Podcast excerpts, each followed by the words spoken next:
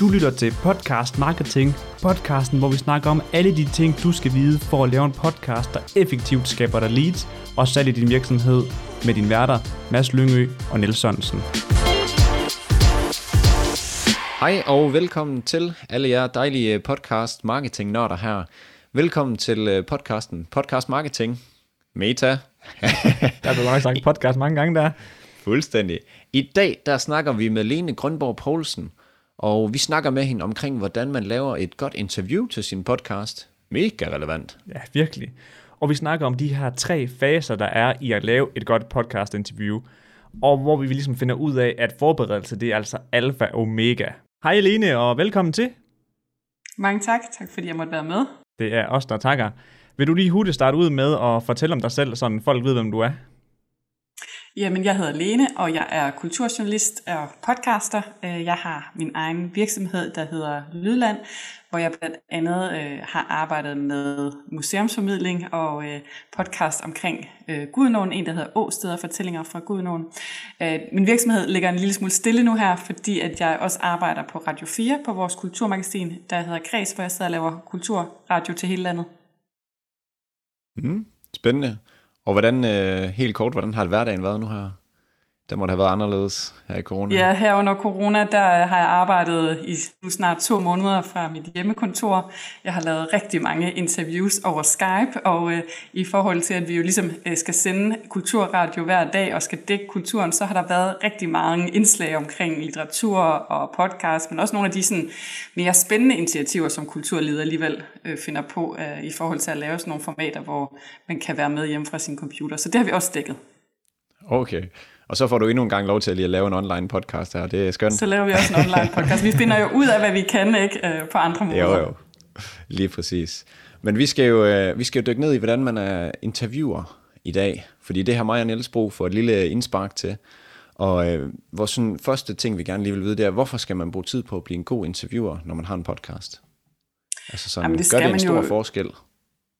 Ja, det vil jeg jo helt sikkert mene, at det gør, fordi at hvis du har lavet dit forarbejde ordentligt, og hvis du ved, hvor du vil hen med dit interview, hvis du har brugt tid på at finde den rigtige kilde, så vil du alt andet lige altså få et bedre interview og en bedre podcast, simpelthen fordi du har brugt tid til at, øve dig og forberede dig, og som dermed alt andet, så får man jo også et bedre resultat på den måde. Ja, så det er, det er godt lige at lave uh, the footwork inden, Lige præcis, ja. Ellers så, står, ja. ellers så skal man stå og reparere bagefter. ja, det Men øh, så kan vi lige så godt bare dykke ned i det, fordi at øh, vi vil rigtig gerne høre, hvordan man laver et godt interview, og de her før, under og efter processer, som der må være i at lave et godt interview.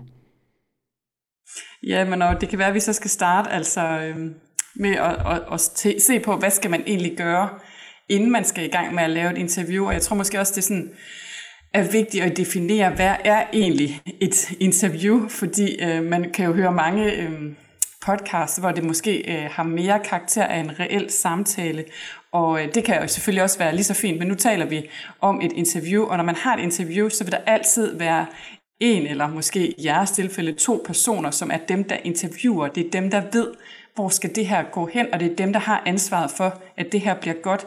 Man kan sige, i sådan klassisk journalistik og sådan, øh, sådan en traditionel metode, så har man altid sådan sagt, at interviewerens rolle er måske egentlig også at få sin kilde til at tale, altså spille kilden god mere, end det nødvendigvis er, at man selv skal sådan komme med alle mulige betragtninger og ekspertviden. Det er derfor, man har en kilde med. Man kan sige i forskellige genrer, især inden for, for podcast-genren, så er den der interviewerrolle jo, jo selvfølgelig altså modereret på forskellige måder, så, så det kan man sagtens arbejde med, men jeg tror, det er en, vigtigt at forstå, sådan, hvad er den grundlæggende tanke bag et interview versus en samtale, man kan have, når man sidder til et middagsselskab eller er til en fest, hvor man sådan på lige fod øh, bidrager ind i et eller andet. Øhm, så tænkte jeg, at vi skulle lidt se på forskellige typer af det, jeg kalder kilder, altså sådan en som mig, en interviewperson. Jeg ved ikke, hvad, hvad I bruger, når, når I finder folk frem, der skal deltage. Øh, men, men jeg plejer at sige kilder, øh, og man kan sige, dem, øh, som I typisk vil invitere med ind, det, det er nok en bestemt type, der ligesom ved noget om det emne, de skal tale om. Men man taler faktisk uh, inden for journalistikken om tre forskellige typer af kilder. Man har det, der hedder en erfaringskilde. Altså det er en person, som har oplevet et eller andet.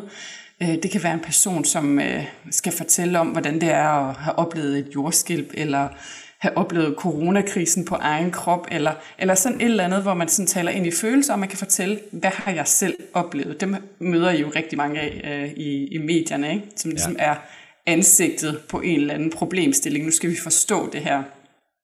Ja.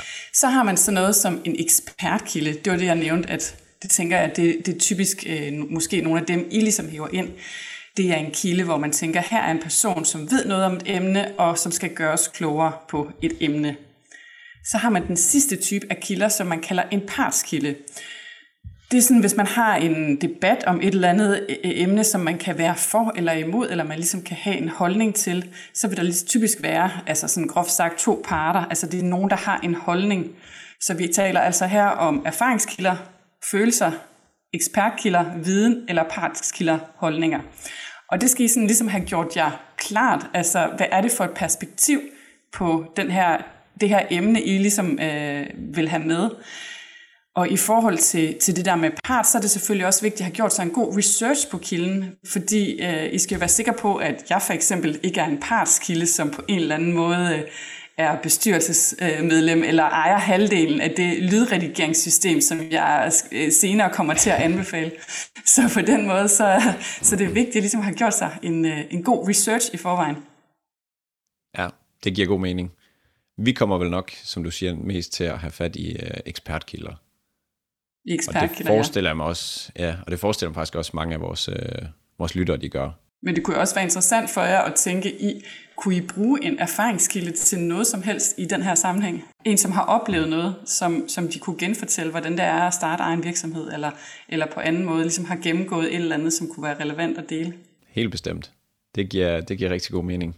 Når man så har sådan, altså sige, hvad for noget, øhm, jeg skal sige, hvordan inddeler man dem sådan, hvad, altså nu, nu siger du, de har sådan en vis kendetræk, men er der ikke også nogen, der sådan flyder lidt over hinanden og sådan, jo, man kan jo sagtens flyde, flyde hvad kan man sige, rollerne kan, kan typisk flyde over hinanden, men der er det jo så vigtigt, at I ligesom går ind og, og peger på, hvordan vil I bruge dem, øh, så at I ligesom sørger for, at når I har mig i studiet, så udtaler jeg mig som ekspert, så skal jeg ikke begynde at udtale mig som part, og jeg skal måske heller ikke begynde at udtale mig som øh, erfaringskilde, medmindre det sådan er relevant. Så, så det er sådan ligesom øh, noget, I i går ind og styrer, og hvordan kan man så styre det? Øh, altså en af de ting, som jeg synes er rigtig vigtigt i den her, hvad kan man sige, startfase af et interview, det er, at man har et såkaldt forinterview. Og øh, det er øh, egentlig en snak med den kilde, altså som, øh, hvor man lige tager en snak om, hvad skal det her interview egentlig handle om? Det kan være, man løber nogle af spørgsmålene igennem, eller man aftaler en øh, løs spørgeramme. Men det er simpelthen for at sikre sig, at den her kilde kan svare på de spørgsmål, som I har, øh, har tænkt jer at stille. Det kan også være, altså man kan sige, skal man skrive, skal man skrive en artikel, ikke, så, øh, så er det måske ikke nær så, så vigtigt, men i det her tilfælde, så er det jo selvfølgelig også vigtigt for, for podcaster generelt, at det er en person, som også tør at tale ind i en mikrofon, som kan finde ud af at formulere sig, og at øhm, især i forhold til eksperter, så er det i hvert fald min erfaring, at det også kan være, altså, at den der formidlingsevne, at den er virkelig vigtig at sætte højt, fordi man kan også godt få fat i eksperter, der simpelthen ved så ekstremt meget øh, om deres stof, at de kan have svært ved at øh, omsætte det til noget, som sådan er let så det er jo også et sted, hvor I kan gå ind og, og ligesom hjælpe. Ikke? Nu har I den her øh, jeres øh, tringuide. Ikke? Altså, det er jo et godt til at styre et interview, og også til at sige til en ekspert, på at høre her, det kan godt være, at du har 17 perspektiver på det her, men vi formidler altså til nogen, som skal til at starte en podcast op, så vi skal lige have skåret det ned til nogle mm. færre elementer, som er brugbare for andre. Og det kan man sige, det er jo så jeres rolle til at, øh, at gå ind og ligesom hjælpe, at, at det ligesom kan lade sig gøre. Ja, som du, det du siger, det er, at man skal virkelig altså bearbejde det, det her i, altså inden man går i gang med at lave interviewet. Altså man skal have snakket med sin gæst og altså lagt kortene på bordet og så siger, at det er det her, vi skal. Ja, det, vil jeg, altså, det, det plejer jeg at gøre, og der, kan man, der taler man jo om, hvorvidt man har et struktureret versus et ikke struktureret interview. Og, og der skal I jo ligesom ligge jer et sted, hvor, hvor I synes, at det giver god mening for jer, i forhold til, at I har en føling med, at I kan styre, hvor interviewet skal, skal gå hen, hvis, hvis det ligesom er jeres målsætning. Det, øh, eller om det skal være en løsere, øh, løsere samtale, hvor man har nogle, hvad kan man sige, hovedtræk, siger, det, det er sådan det her, vi skal omkring. Nu har jeg talt meget om, at det, det, det er fordi, I skal kunne styre det, og I skal have en, en fornemmelse af, hvilken retning det ligesom skal tage. Men det kan også være en hjælp til den kilde, som I skal tale med. Det er ikke alle, som er vant til at øh, skulle tale til, til en stor målgruppe. Så på den baggrund kan det også faktisk være, at det kan være rart for kilden at vide, hvad er det for nogle spørgsmål eller emner, vi ligesom skal omkring. Og det kan være, at de har brug for at forberede sig. Så, så den der forberedelse kan også være med til at gøre kilden tryg, og derved gøre kilden bedre. Ja, og forberedelsen, nu siger du, man kan tage en, øh, hvad som sådan forinterview. Kan det godt være mm. på dagen, ligesom vi snakkede lidt inden her, og bare lige sådan kort lag? Det kan det, her, det også sagtens, ja. Ja, okay. det kan det også sagtens. Det er alt efter, hvad man aftaler, og altså, det kommer også an på, hvad er det for øh, en type kilde. Typisk, hvis jeg øh, øh, skal, hvad kan man sige, lave et interview med en person, som skal med i vores radioprogram, så vil jeg sådan lige måske øh, lave en aftale på mail eller i telefonen, så vil jeg lynhurtigt få en fornemmelse af, at det her er en person, som er vant til at være i radioen. Det er klart, hvis man har en politiker med, som skal udtale sig kort om et eller andet bestemt emne, altså så laver man ikke et øh, langt forinterview, øh, så, så er de ligesom vant til, hvordan fungerer det her, men hvis det er en person, som det kan også bare være, at de virker sådan lidt utryg ved teknikken, eller det kan være, at jeg har en bestemt tanke om, at jeg gerne vil strukturere det den her vej, så skal jeg også lige være sikker mig, at de er med på det. Men man vil sagtens kunne lave den aftale. Kan vi, tale, kan vi lave et forinterview lige inden vi går i gang, eller kan jeg ringe til dem om formiddagen? Og det er ikke fordi, det behøver at være. Det kan være langt, det kan være kort. Altså, øh, det er mere for ja, få den der gode forberedelse, som så kan hjælpe en, når man sidder i selve situationen. Har du nogle erfaringer med, øh, hvad der er bedst, om det er på dagen, eller man lige skal være nogle dage inden, så folk faktisk lige kan nå at hvad skal man sige, tænke det igennem og få lidt ned på papir, eller hvad man, hvordan de nu forbereder sig? Altså, min erfaring øh, er egentlig, at det, at det kan være en god idé at måske have gjort det inden, altså ikke på selve dagen, hvis det er, at man i hvert fald forventer, at folk skal hive et eller andet frem, som, de, som ikke lige er, hvad kan man sige, det de står med nu og her, fordi en gang imellem, så har folk lige behov for lige at forberede sig en lille smule. Altså på den måde var det jo en hjælp for mig, at I, vi har udvekslet noget på mail omkring, hvad skal der være i det her interview, så kunne jeg lige gøre mig nogle tanker, og så håber jeg, at jeg vil kunne komme med nogle bedre pointer, end hvis I bare havde ringet mig op, og så var vi gået i gang, så havde jeg ikke nået at lige øh, gøre mig nogle overvejelser om det i forvejen. Oplever du nogle gange, når du snakker med sådan eksperter, inden for, altså nogen, nogen, der ved noget om noget, at de nogle gange går helt, øh, hvad siger man, ud fra strukturen, fordi de bare er så passionerede omkring emnet, og så snakker de bare løs og ikke holder sig inden for det, man altså, gerne vil have, de skal, skal snakke om. Det er sådan en af de største udfordringer, tror jeg, ved at bruge øh, ekspertkilder. Det er så, at øh, ekspertkilder også måske nogle gange kan have svært ved at komme med konkrete eksempler. Så der er sådan ligesom det der med, at man så i hvert fald øh, kan bruge sit forinterview til at forsøge at lave en eller anden struktur, eller simpelthen i sit interview, altså må man jo gerne være den, der går ind og styrer det. Det er ikke uhøfligt at afbryde, eller simpelthen sige, nu synes jeg, at øh, vi vender tilbage. Nu skal vi også lige tilbage til vores egentlige tema, som er det her. Det må man gerne sige som interviewer. Man skal ikke være bange for at træde folk over tæerne, øh, som i en samtale, hvor man ikke vil synes, at det, ej, jeg kan ikke tillade mig at sidde og afbryde folk.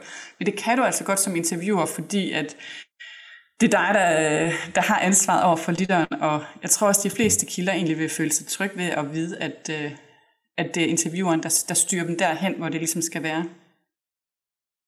Føler du, at effekten er stor, altså sådan i forhold til, at man har hvad skal man sige, forberedt dem bedst muligt, at der kommer et væsentligt mere struktureret øh, interview ud af det? Ja, det føler jeg, og jeg oplever også, at folk er rigtig glade for lige at have den der snak inden, der gør, at øh, man kan lave et bedre interview. Hvis jeg så skal komme med et konkret eksempel på det, så kan jeg tage et af de interviews, jeg lavede her den anden dag, hvor vi havde en forfatter, der havde udgivet en novellesamling. Han hedder Jens Blendstrup, så læser jeg den novellesamling igennem, og vi bliver egentlig enige om på redaktionen, at der er en af dem, som faktisk optager os mere end de andre. Det er en novelle, der tager udgangspunkt i en virkelig begivenhed. Det, man kalder stenkastersagen på Fyn. Jeg ved ikke, om I kan huske det, men det var altså en sag om nogle meget store sten, der blev kastet ned fra nogle motorvejsbroer, oh, ja. og som landte nogle biler, mm. der var... Øh, og, og støde i den forbindelse. Øh, og, og så går vi egentlig ind og spørger ham, er det okay, vi vinkler, kan du se dig selv, vi vinkler det på det, så vi ligesom taler kun om den novelle, vi taler kun om den sag, og så har vi også nogen med, øh, lokaljournalist med fra, fra Fyns Stiftstidende, som kommenterer på sagen og på, hvad kan man sige, den litteratur, der nu skriver sig ind i den sag. Så på den måde kan man jo sige, får vi jo øh, et, synes vi selv, interessant interview, der spiller ind i noget virkeligt, og den kobling ville jo have svært at lave, havde man ikke gået ind og lavet altså, den skarpe vinkling, som man var blevet enige om et par dage i forvejen. Så forfatteren ja. Jens Blendstrup der, han også kunne nå at tænke med på, at det er altså den vej, vi går. Det var bare et, et eksempel fra kulturjournalistikken. Så et eller andet sted, så, så er det ens eget ansvar. Altså hvis man vil have et struktureret interview, så er det ens eget ansvar at forberede, og hvad skal man sige, sige det er den her vej, vi går, og vi skal igennem det og det og det. Øhm, vi, vi havde jo sådan en skør tanke om, at vi ville, vi ville rigtig gerne, altså i starten have et, altså en step-by-step guide, men vi var rigtig dårlige til at fortælle folk, altså hvad vi ville have egentlig. Og øh, der kan jeg virkelig godt se det der, du siger nu, med at man skal virkelig sådan tage folk i hånden og sådan sige, det er det her, vi vil, og præcis vinkle det, som vi vil. Det vil have gjort en kæmpe forskel. Og der kan en teknik jo også være, altså ligesom at have ikke et en til en nedskrevet manus, men at I ligesom ved, vi skal igennem måske tre eller fire punkter, så må I gerne være dem, der går ind og styrer og siger, nu har vi talt om øh, punkt, øh, punkt 1. Jeg ved, at du også har noget, du vil anbefale under punkt 2. Hvad er det? Og så har jeg både, hvad kan man sige, hjulpet kilden, men også lytteren til, okay, nu kommer der noget nyt. Øh, på den måde taler man jo tit, i hvert fald inden for flow, det er selvfølgelig lidt anderledes fra podcast, men om sådan en eller anden form for opmærksomhedsspænd på sådan 10-15 minutter, hvor lang tid kan man egentlig holde til at høre på sådan en eller anden samtale, der bare kører ud i en køre. Der arbejder man i hvert fald på flow-radio, altså sådan radio, man bare tænder for at høre, mens man er i gang med noget andet. Med det der sådan, at efter, efter så og så lang tid, så skal man altså sådan lige på en eller anden måde ryste posen og gøre opmærksom på, hey, nu sker der noget nyt. Så du strukturerer dine spørgsmål meget sådan, det her det er de spørgsmål, jeg skal have stillet, eller går du lidt mere sådan du ved, sådan, uh, reagerer på det, der bliver, bliver sagt? Ja, fordi det er selvfølgelig et, et godt spørgsmål, og det er selvfølgelig den anden side af, hvad kan man sige, den her sag, ikke, hvor jeg står nu og øh, siger, at I skal være så og så struktureret, men det skal selvfølgelig hele tiden være en afvejning af situationen og, og en afvejning af, hvordan I har lyst til at arbejde, fordi det kan også hurtigt, det skal jo også være levende, det skal være en levende samtale, og selvfølgelig skal man reagere på det, folk siger. Så jeg arbejder typisk med det, jeg kalder en løs spørgeramme, hvor jeg også siger til kilden, jeg laver den her spørgeramme, det er bare en hjælp til os begge to, så vi ved, hvad vi skal igennem, men det skal selvfølgelig være en levende samtale, der tager os derhen, hvor vi ligesom er på dagen, så vi ikke du ved, har aftalt, du siger det, og så siger jeg det. Det er heller ikke sjovt at høre på. Det giver god mening. Lene, jeg ved, du øh, brænder ind med et sidste spørgsmål her, inden vi går videre til den øh, midterste fase. Øh, kan du ikke lige fortælle, hvad, hvad det er? Jo, altså sådan min sidste pointe omkring, hvad man sådan skal have tænkt over, inden øh, man går i gang med interviewet, det er egentlig det, jeg kalder, kalder valg af scene. For jer er det måske ikke så stort et øh, spørgsmål, altså sådan, øh, som I laver typisk de her studieinterviews, men altså for, for andre kan det jo være et spørgsmål om, skal vi ud i virkeligheden og lave det her interviews? Det kan jo også øh, være mange gode ting altså forbundet med det. Altså hvis man rent faktisk står derude, hvor ens øh, kilde har sin hverdag, det kan der også komme noget godt ud af, eller på den måde have nogle reportageelementer med. Og det kræver selvfølgelig et andet teknisk setup, så det er også en del af den forberedelse, man lige så gør sig. Hvordan får jeg den her historie bedst foldet ud? Gør den ved at lave et studieinterview, hvor jeg sådan kan styre alt lyd, øh, lyd og omkring mig? Eller skal jeg ud i virkeligheden, fordi det giver et eller andet add-on i forhold til den historie, jeg vil fortælle? Ja, fordi man har jo set nogen, der laver podcast omkring meditation, og så sidder de ude i haven, hvor man kan høre fuglene, der synger og sådan noget, og det giver jo bare, altså det tilføjer ligesom til fortællingen, som du også siger, og det er jo altså, en rigtig god måde at få sin pointe over. Ja, jeg har også blandt andet hørt en øh, podcast omkring faldskærm, hvor de så egentlig havde været ude at lave nogle optagelser øh, på stedet, men så egentlig, øh, hvad kan man sige, lavede det live on tape i studio, og så spillede nogle af deres egne reportagebider, som de så kommenterede på. Det synes jeg også gav en fin dynamik i forhold til øh, at skabe en levende podcast, så det er også en mulighed at gøre det på den måde. Hvad hedder det? Skal vi prøve at hoppe ind i øh, det, vi kalder under interviewet? Ja. Har du nogle tips og tricks der, vi skal vide? Jamen, øh, når man så starter øh, et, et interview op, altså så har vi jo, hvis vi sådan ser på sådan det grundlæggende i interviewteknik, som jo er det, vi skal tale om i dag, så har vi noget, der hedder åbne spørgsmål, som er sådan det, man ligesom lærer på alle journalistiske uddannelser. Det er sådan, du skal spørge. Og øh, det er jo ikke fordi, at øh, man aldrig bryder den regel i virkeligheden, men den er måske god at kende, fordi så øh, har man i hvert fald et sted at starte. Men hvad er et åbent spørgsmål så? Det er sådan nogen, som man ikke kan svare ja og nej på. Fordi øh, der kan man sige, faren kan jo være, hvis du stiller sådan et spørgsmål, øh, er du glad for det? Ja. Nå okay, så kom vi så langt. Så, så, øh, så det er sådan ligesom med, at man, man, man åbner det op. Kan du fortælle, hvorfor du er glad for det? Øh, så stiller du et spørgsmål, hvor du øh, beder interviewpersonen om ligesom at åbne op, og hvor du også sådan selv er relativt øh, objektiv. Øh, hvordan, så har jeg sådan lidt omkring, hvordan man måske øh, fokuserer et øh, interview. Øh, man måske starter lidt, øh, lidt, lidt bredt ud, så, så kilden ligesom på en eller anden måde bliver, bliver talt varm, men det er igen også noget med, altså hvad er det for en person, man ligesom har, har med? Starter man med at stille det, det store kritiske spørgsmål, eller, eller de sådan store filosofiske tanker i starten, eller starter man sådan lidt blødere? Det valgte vi at gøre her med, at vi skal sådan lige introducere mig, og vi skal lige i gang, og så er det ligesom den struktur, man vælger på sit, mm. sit interview. Så er der sådan nogle andre, hvad kan man sige, grundlæggende regler, som at man ligesom skal slå nogle ting fast for lytterne, så de ligesom er med. Altså man skal have kendskærningerne på plads, før man ligesom tager forklaringerne. Det er sådan noget med, at man skal vide, hvad handler det her egentlig om, før man spørger, hvorfor. Og øh, man kan sige, at i det her tilfælde, så vil det jo være sådan, som, som I også går ind, vi, nu skal vi tale om interview og, og, og ligesom sætter den der ramme, så lytteren er med, inden vi går ind og taler om, hvorfor er det så vigtigt. Øhm, og så er der også sådan noget med, som vi jo egentlig også talte lidt om i forhold til strukturering, altså øh, lige, lige tidligere det der med, skal man strukturere eller skal man ikke strukturere. Og der har man sådan et begreb, der hedder kritisk lytning.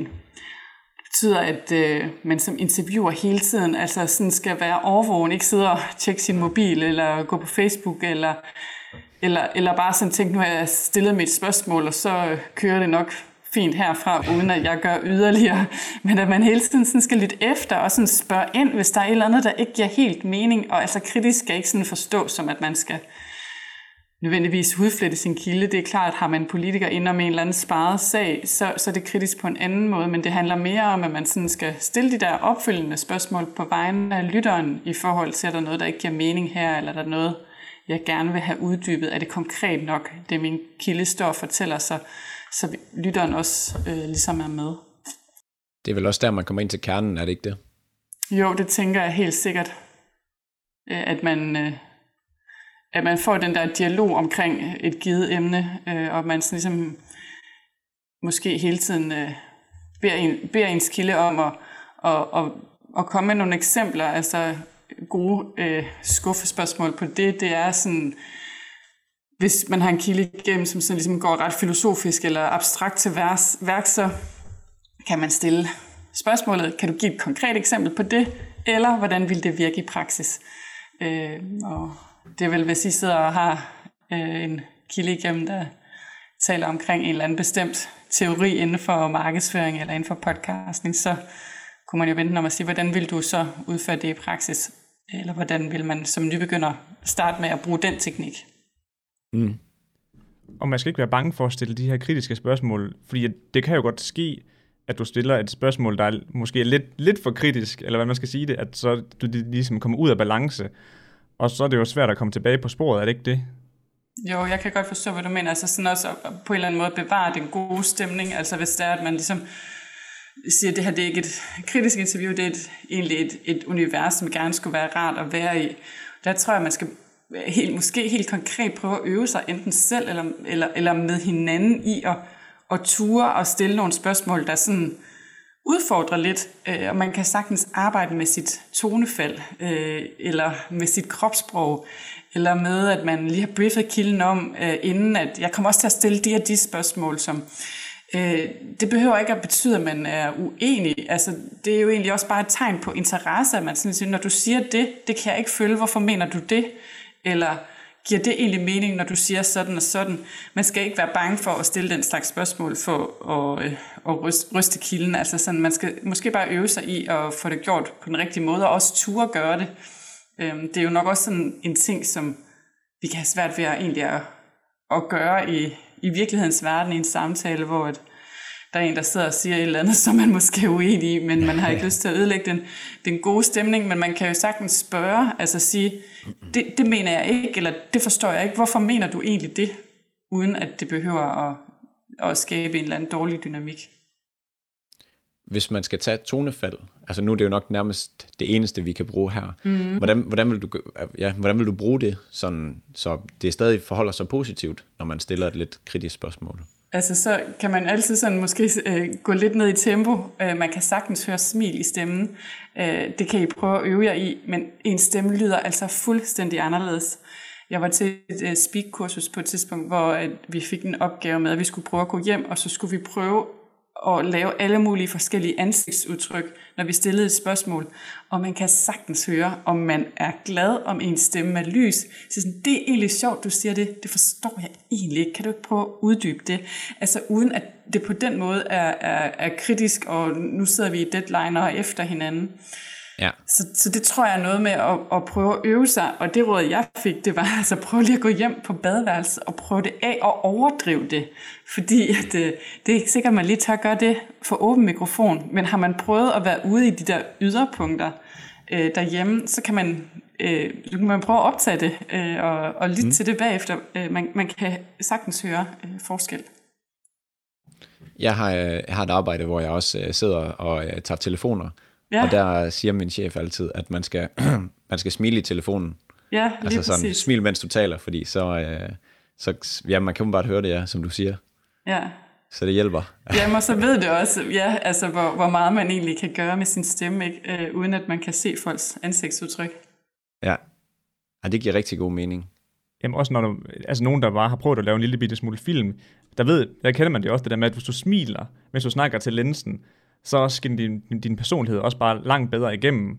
Fordi at, ja, som du siger, at hvis man smiler, så lyder man bare mere, mere positiv og, og glad i det, man siger. Det er måske også noget med altså sådan, ikke at være øh, bange for at gå ind altså, i nogle følelser, eller sådan på den måde. Altså sådan, nu er det her selvfølgelig ikke en podcast, hvor øh, der er nogen, der skal være ked af det, eller sådan, men det kan jo sagtens være, at der er andre, der sidder og skal lave nogle podcasts, hvor følelser er mere præsente. Og det er i hvert fald min erfaring, at man skal, folk kan jo altid sige, det har jeg ikke lyst til at tale om, altså, og især hvis det er noget, man, man forproducerer, kan man altid klippe det ud, men man skal ikke være bange for at gå ind og stille nogle svære spørgsmål. De fleste vil faktisk gerne svare, når der er nogen, der viser dem den interesse. Okay. Det er jo værd have i mente, kan man sige. Mm. Er der andet, vi sådan skal kigge på under interviewet, der sådan er vigtigt?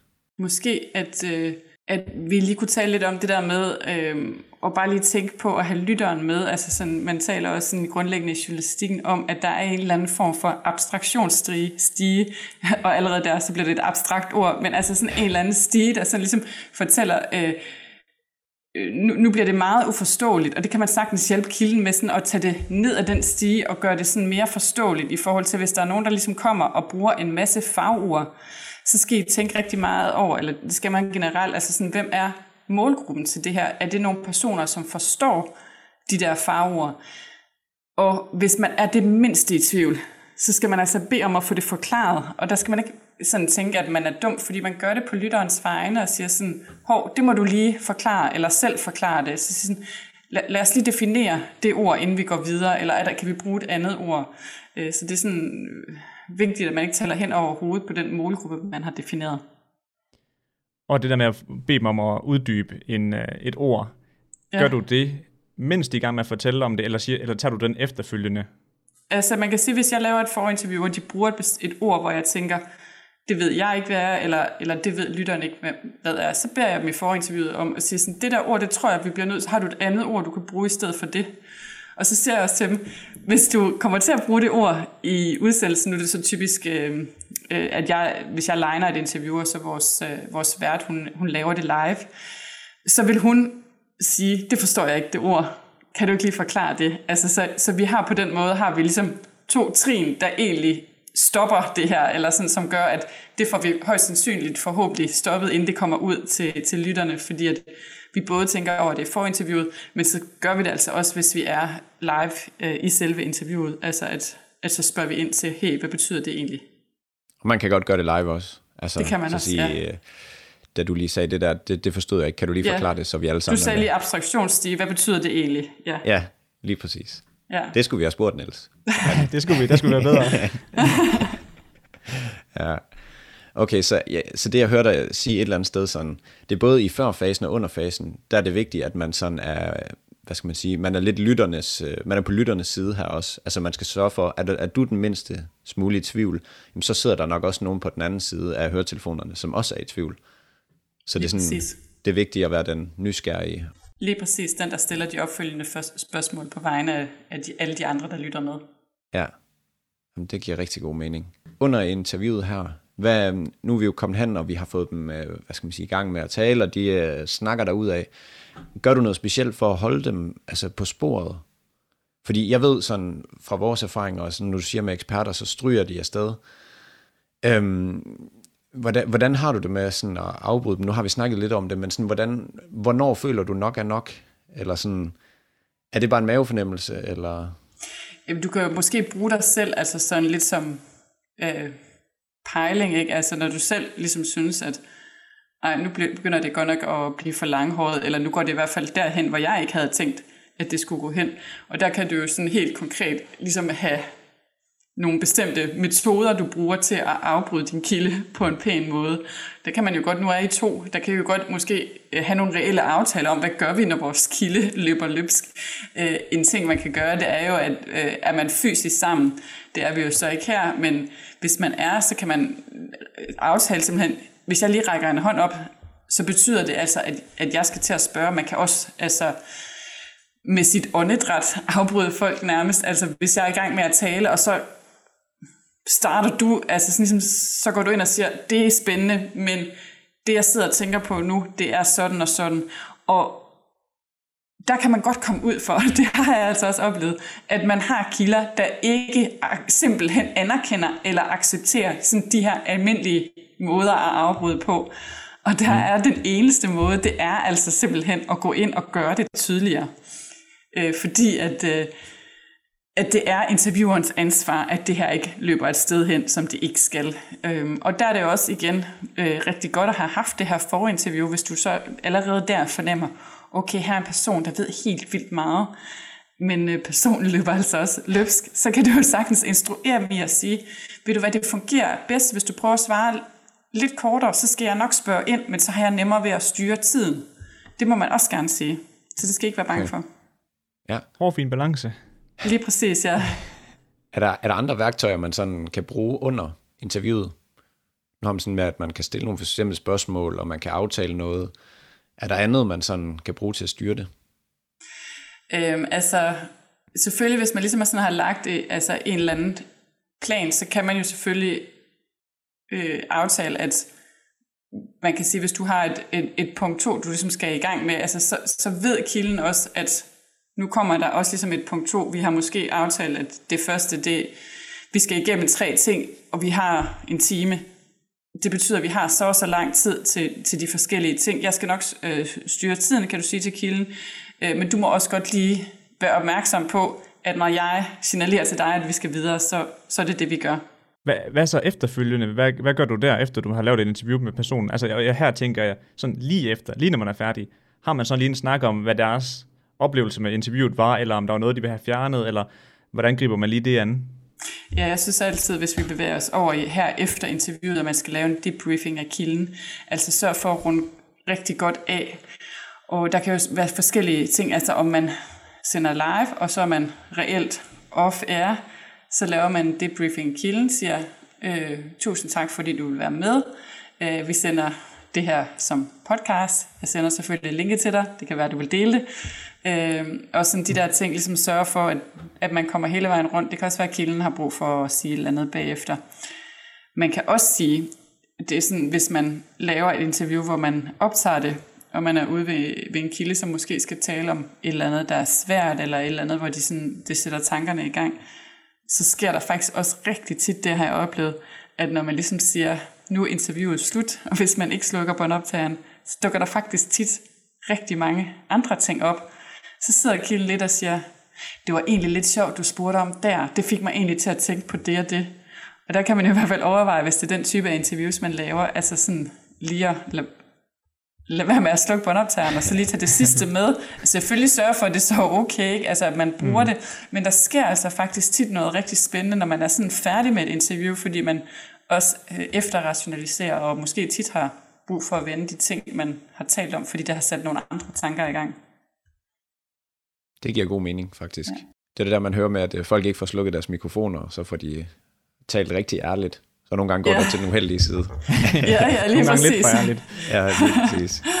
øhm, ja, altså, øhm, nu var vi lige lidt inde på det der med, altså om laver man, hvad er det for en type optagelse, man laver, hvis vi lige sådan skal rise op, hvad, hvad kan man lave? Man kan lave noget, som man kalder live on tape, hvor man ligesom siger, nu tænder jeg optageren, og det vi, send, det vi optager den næste time, det sender vi ud. Altså sådan, det er egentlig en, en slags live-optagelse, bortset fra, at den ikke spiller live ud til nogen, øh, mm. når, man, når man ligesom øh, er færdig, eller når man er i gang med det. Men altså, det, har, det vil have den der øh, type af ægthed og øer og hov og, og så videre, som man jo også har i liveudsendelser, som giver sådan autenticitet og en lækker feeling. Øh, så kan man have en decideret liveudsendelse, hvor man sender til nogen i det øjeblik. Altså der vil man have mulighed for forskellige typer af lytterinteraktion, alt efter hvilken platform man ligesom bruger eller sender fra. Og så har, vil man kunne have det, altså, hvor man ligesom laver en reel efterredigering, altså hvor man optager noget, som man klipper bagefter. Og alt mm. efter hvilken type man ligesom bruger det, så kan, vil man også hvad kan man sige, kunne lave en forskellig de- debriefing af kilden. Hvis man laver den type af podcast, hvor man sådan reelt klipper det bagefter, det er sådan meget den type, jeg har lavet, så vil man jo kunne gå tilbage til sit materiale, lytte det igennem, og så faktisk opdage, at der var en, en side af sagen, man ikke havde fået belyst, vende tilbage til kilden og bede dem om lige at svare på et ekstra spørgsmål. Så det er forskellige muligheder, man ligesom har i den der efterbearbejdelsesproces. Øh, og øh, det kommer jo også meget ind på, ja, hvad, man, hvad man er til, og øh, hvordan man producerer. Det er klart, at det er meget mere arbejdstungt at skulle til at efterredigere øh, et interview, man har lavet. Mm. Ja. Hvis, hvis nu man laver et interview med formål om, at den skal komme ud som en podcast, ikke? Mm. Deler du så den redigerede version med, en, med den, du har snakket med, inden du udgiver den, eller udgiver den bare, fordi ja, altså mig og Mads, vi udgiver den jo bare. Vi var bare sådan, yeah. hey, tak, tak for uh, interviewet, det var super fedt. Uh, vi ser til, når den er ude. Det kommer an på, hvilken aftale man ligesom har med kilden. Jeg tænker, i et tilfælde som jeres, vil det give god mening. Den skal bare ud. Vedkommende må stå på mål for det, de har sagt. Når jeg typisk, når jeg har lavet de her podcast, øh, som øh, jeg nævnte tidligere, øh, som var i samarbejde med nogle museer, så jeg har haft en aftale med dem om, at de måtte lytte det igennem. Og det er fordi, de er sådan den der virkelig type af ekspertkilder, som er det der med, hvis de er kommet til at sige et forkert årstal, eller hvis jeg i min speak øh, er kommet til at sige et eller andet, altså sådan, det kan de slet ikke altså, bære, så, og, og de var sådan, hvad kan man sige, en større del af formidlingen, så de har lyttet det igennem, inden vi har udgivet det. Men almindelig kutume, almindelig, hvis vi sådan taler om, som vi skulle tale om i dag, sådan almindelig journalistisk praksis, det er, har du først ud, øh, udtalt dig, øh, og ikke har nogen anden aftale, så, så kan man altså, så kan man altså sagtens udgive det. Det er jo også, hvad kan man sige, dealen, ikke, hvis man er med i en live-udsendelse. Og så det synes jeg sagtens, at I kan gøre. Ja, så klammer fælden, altså, men, men øh, hvad er det selvfølgelig heller ikke vel, øh, end at øh, man forhåbentlig siger et eller andet, man kan stå indenfor. Ja, det må da håbe. Er der, øh, er der andet, man skal tage højde for efterfølgende? Det var faktisk et godt spørgsmål der, Niels, med at vi bare smider den ud. Oplever du noget, man ellers skal være opmærksom på, sådan efterfølgende? Altså, øh, det kan være, at jeg lige må sige lidt mere omkring det her med, hvis det er, at man vælger at efterredigere. Øh, mm.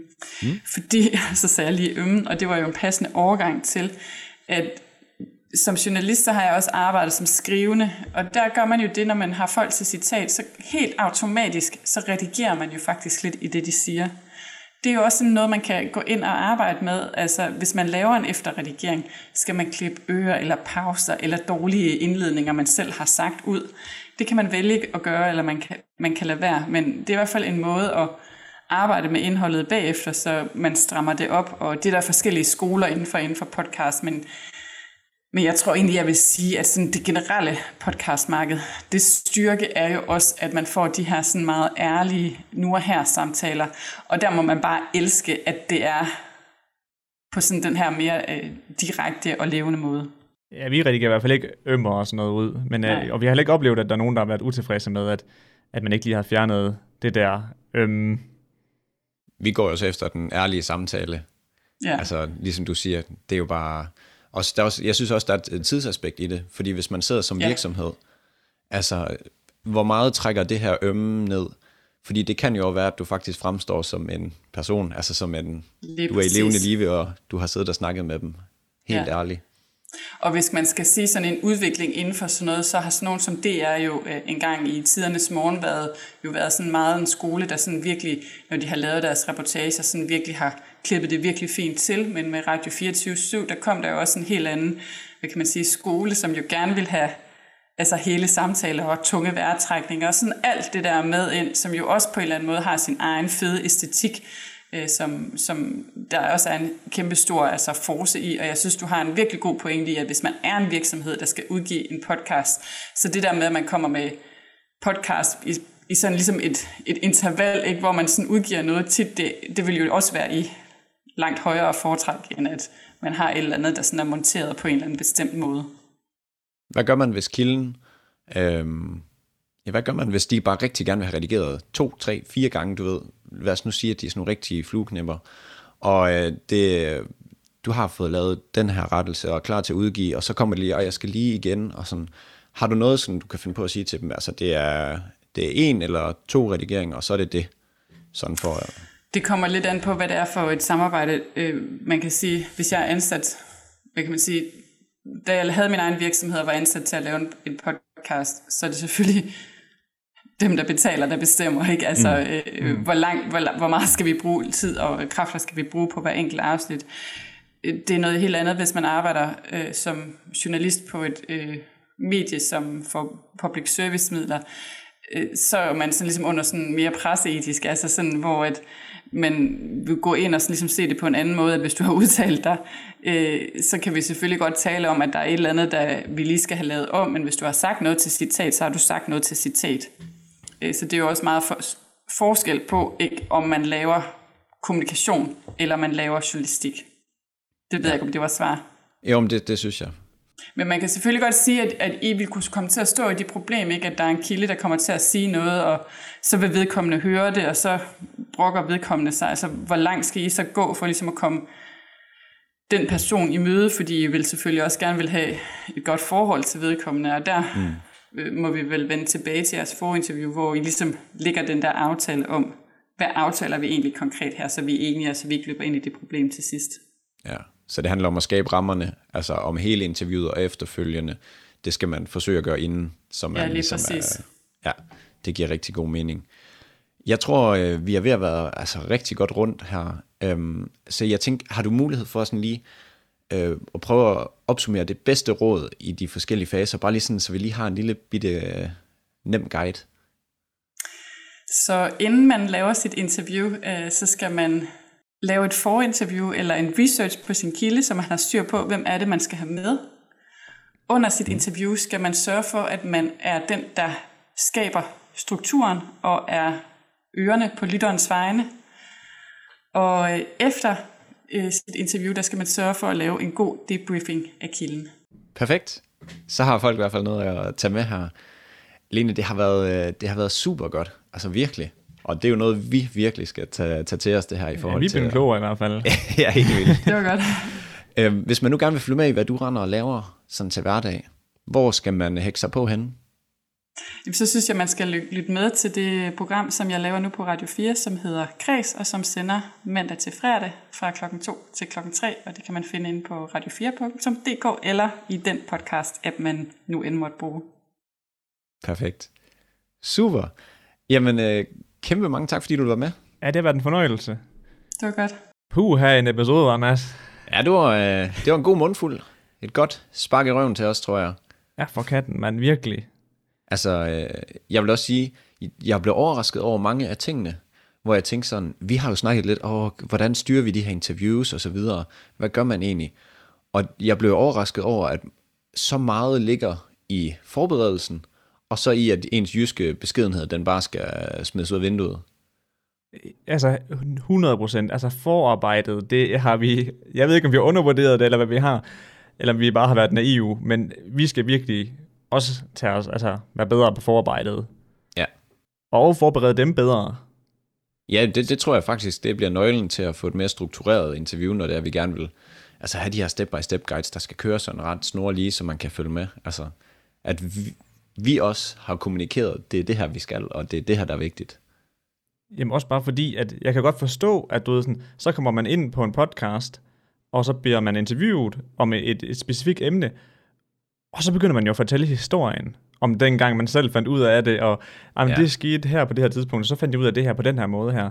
Og jo, det, det er rigtig spændende, men det, vi vil jo bare rigtig, rigtig gerne have den her super håndgribelige podcast her, hvor man, du ved, man kan høre den, og så tænker man, det han sagde der, det går jeg bare lige ud og prøver, og så ser om det fungerer for mig.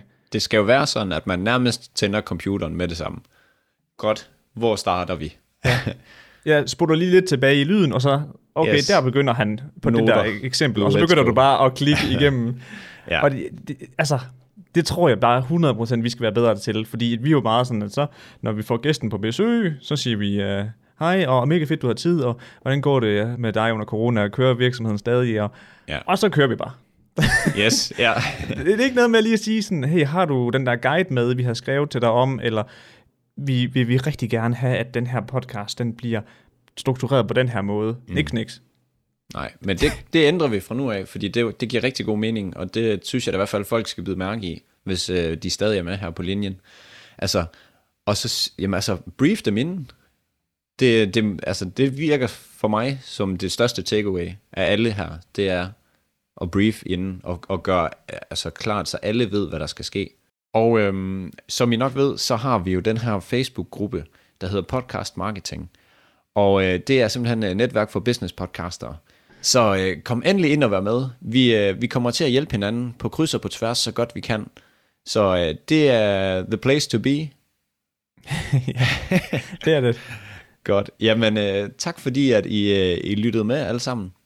Og vi glæder, jer, eller vi glæder os til at se jer, var det vist, jeg vil sige, inde i Facebook-gruppen. Kan I have en øh, dejlig dag.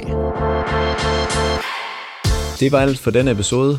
Husk at abonnere der, hvor du hører din podcast, så du bliver informeret hver gang, vi lægger en ny podcast episode ud.